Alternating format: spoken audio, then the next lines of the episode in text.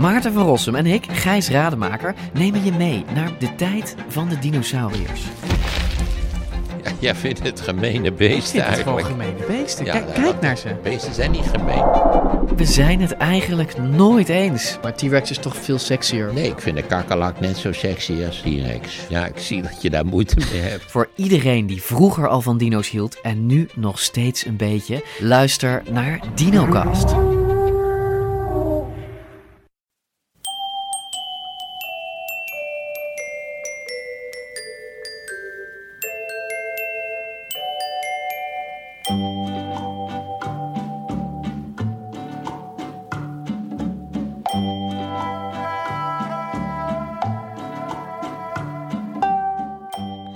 Welkom bij aflevering 103 van de Echt Gebeurd podcast. Waar waargebeurde verhalen worden verteld door de mensen die het zelf hebben meegemaakt. Deze week een verhaal van Sander van op Zeeland. Het thema van de middag was muziek.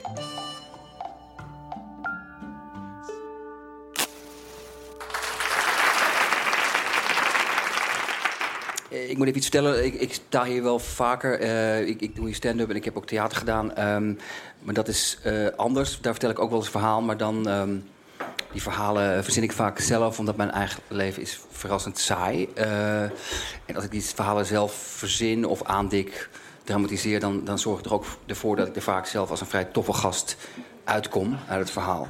Eh, maar dit is echt gebeurd, dus dat, eh, dat kan niet. In dit verhaal kom ik ook niet goed uit. Ik kom er niet goed uit. Ehm, eh, ik moet even de, de, de- scène zetten. Ik, eh, ik zat hier eh, op school en eh, ik zat op de HAVO in een beetje een vervelende klas. Zo'n beetje zo'n klas waarvan eigenlijk niemand zin had om te zitten. En, en, en ik was een van die mensen die dacht, ja, ik doe HAVO, want ik zou wel VWO kunnen, maar daar... Daar heb ik gewoon geen zin in. Ik ben gewoon te lui. Dus we zaten ons eigenlijk de hele tijd te, vervelen. Ehm, en wat wij bijvoorbeeld deden bij geschiedenis... dan eh, zeiden we aan het begin... gingen we met vier jongens aan het begin van de les... gingen we naar de geschiedenislerares. En dan zeiden we tegen haar... eh, oké, wat wij doen... wij gaan altijd eh, in de hoek zitten... en met z'n vieren gewoon kaarten. Het hele jaar lang. We gaan je niet lastigvallen. We gaan je, maar, maar dat is gewoon ons ding. En... ehm, en dan zei ze, oh, dat is goed, dat is goed, dat is goed. En dat, dat deden we dan ook. Alleen, eh, er was dan altijd wel één, van die, van die vier jongens. Kon dan niet, en aan het eind van de, van, van, van de... Voor het eind van het jaar gingen we dan gewoon alles uit ons hoofd leren. En dan haalden we het. Behalve één jongen, die kon niet zo goed leren. En die bleef zitten. Maar dat interesseerde ons eigenlijk niks. Want eh, er was weinig empathie, als ik erop terugkrijg. En eh, er was weinig empathie in die klas. En we hadden ook muziekles. Ehm, en wij hadden muziekles van... het was een... vrouw van een jaar of 50. eh, en die, die eh, zag er een beetje ouderwets uit. Die was een beetje kortaf, die was een beetje streng. En ze, was sociaal niet zo goed. Maar dat was allemaal niet zo erg geweest. Maar ze was ook eh, blind. Eh, en 100% blind. Ze had een stok en ze had een braille schrift waar ze onze naam uit voorlas. En, ehm, en ze had ook een, hier zo had ze een beetje een klein baardje. Ehm, en nu, op, zoals ik nu ben, zou ik daar heel veel empathie voor voelen. Ik zou denken van, oh mijn god, ze heeft een baardje. Ze woont alleen, er is niemand die tegen haar zegt... Oké, scheer het even af. Dit, is gewoon triest. Maar toen dachten we eigenlijk alleen maar, de hele klas dachten we... haha, ze is blind en ze heeft een baardje. Ehm, ehm, en ze werd ook niet geholpen, moet ik zeggen, door haar lesstof. Ehm, het was nogal ouderwets. Er de, de les werd in twee, twee, eh, eh, twee delen verdeeld. Ene deel van de les was dan deze eh, dit. Dan ging ze op de lesnaar slaan en deze dit.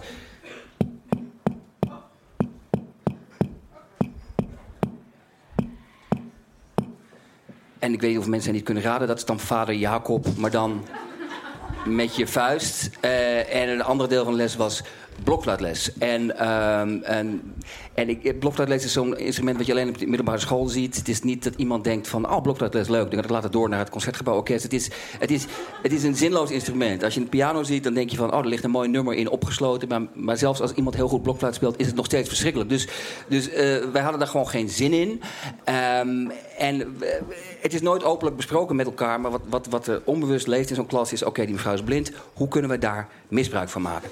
Ehm, en wat wij deden... We hadden was één jongen, een beetje de nerd van de klas... die kon heel goed blokfluit spelen. En we zeiden tegen hem... als jij nou eens voor ons allemaal blokfluit... Ehm, dan ga je gewoon de tafels langs. En zij merkte het toch niet. Ehm, en hij wilde toch populair zijn, en hij deed dat. Dus zij zei, nou oké, blokfluiten. Hij, hij gaat alle tafels langs. Maar zijn naam, dat was het trieste. Zijn naam, eh, het ging alfabetisch, zijn naam eindigde met een, met een Z. Dus hij was altijd als laatste aan de beurt. Dus je zag een soort curve in die blokfluitcijfers. De eerste was hij nog fit en die kreeg, die kreeg dan een 9. Dan langzaam achtjes. En dan was hij zelf aan de beurt, helemaal vermoeid. En dan zei de juf altijd... Nou, het is niet zo goed, je hebt niet zo goed je best gedaan. Je krijgt een 7. En dat eh, vonden wij allemaal heel grappig. Ehm, ehm, ehm, en, en dat, toen was het ook nog grappig. Maar, uh, maar ik zei al, dit is niet zo'n leuke klas. En het werd eigenlijk steeds iets minder grappig. Dat is toch zo'n blinde mevrouw uh, die, die ook niet de best deed om populair te zijn. Dus het was ook dan voor de neus gaan staan, gekke gezichten trekken. En dan ging iemand net doen, ik laat haar net struikelen... maar dan net van voor ze dan aankwam, dan het been terugtrekken. Uh, en op een gegeven moment kreeg ze ruzie met twee hele asociale meisjes. En um, die waren te laat. En wat die toen gingen doen, die pakte een pen en gingen doen... toen zij weg was, gingen ze met een pen zo in de braille schrift zo, dat helemaal zo kapot maken. Um, en ik moet wel zeggen dat zelfs toen, ik was, een beetje een meeloper, een beetje een klein SB'ertje, maar ik voelde wel, dit, dit, dit is niet echt oké. Maar er was niemand in zo'n klas die dan zei, dit kan eigenlijk niet. Want dan, ja, je wilde toch niet het risico lopen dat je, dat je uh, lager in de hiërarchie kwam te staan dan die jongen die voor ons allemaal blokfluit speelde. Het was toch, het was toch je moest er toch in mee. Um, alleen, het werd steeds erger, steeds erger. En dan gaat een natuurlijke ontwikkeling. En het eindigde met, um, het was in de zomer, dat had iemand een basketbal meegenomen. En uh, die dacht, weet je wat, het is gewoon lachen. We gaan die basketbal gewoon overgooien uh, naar elkaar. En dat kan in de klas, helemaal niks, niks aan de hand. Die gooit de basketbal naar elkaar toe. Maar er is natuurlijk altijd iemand die dan te ver gaat. En iemand dacht, weet je wat, als ik nou eens kan kijken, laat eens kijken hoe, hoe, hoe dichtbij ik naar het hoofd van een juf kan gooien dat ik er net niet, dat ik er net niet raak. Um, en dat lukt een keer of drie. Maar de vierde keer, ze maakt net een verkeerde beweging... is krijgt die basketbal keihard, zo, hier zo, bij de nek. En het krijgt die basketbal tegen haar hoofd. En ze draait zich om en zegt, wat, wat was dat, wat was dat? En toen riep iemand, dat was een propje, juf. En um, het vonden wij wederom allemaal heel grappig. Maar... Um, uh, um, maar later uh, schaamde ik me daar wel voor. Vooral omdat ik dacht van ja, uh, er zijn maar een paar mensen die die dingen initieerden. Maar de rest van de klas ja, liet het gelaten toe. Er is ook nooit iemand die excuses aan die mevrouw gemaakt heeft. En ik, ik vond het bijna de inzien toch een beetje schandalig. En tien jaar later, uh, toen was ik al uh, van de middelbare school af, kwam ik haar een keer tegen nog. Um, uh, want ze scharrelde daar rond in de buurt van de school. En ik, mijn ouders wonen er in de buurt, dus ik, ik, was daar in Zuid. Ik zag haar in de buurt van de school rondscharrelen. en ik, ik, dacht, nou, ze zal er nog wel les geven. Of ze is ontslagen en ze scharrelt nog steeds rond. Maar dat is nog triester. Maar laten we ervan uitgaan dat ze dan nog les gaf. En toen dacht ik toch uit een soort schuldgevoel... ik moet iets, uh, ik moet iets zeggen. Ik moet, ik moet iets goed maken. Dus, ik, dus, ik, dus ik, ik, ik roep tegen haar. En ze draait zich echt vol paniek draait zich om. Wat, wat was dat? Wie is dat? Wie is dat? En toen, en toen, en toen besefte ik van, oké, wacht even. Ik kan, ik kan eigenlijk maar twee dingen doen nu. Of ik kan zeggen wie ik ben. En dan moet ik gaan uitleggen uit welke klas ik ben. En dan moet ik, en moet ik dat helemaal gaan uitleggen.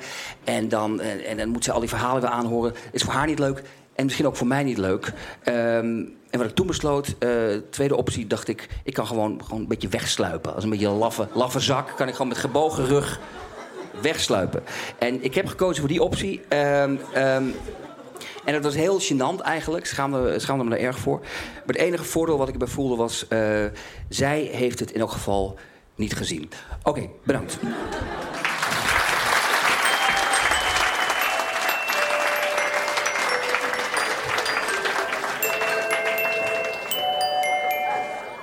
Dat was het verhaal van Sander van op Zeeland.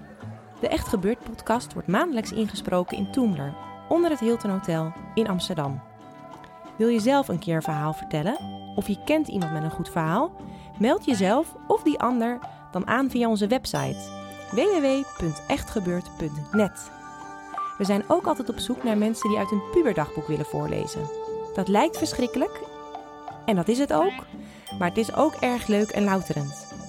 De redactie van Echt Gebeurd bestaat uit Paulien Cornelissen, Micha Wertheim, Eva-Maria Staal en ikzelf, Rosa van Toledo.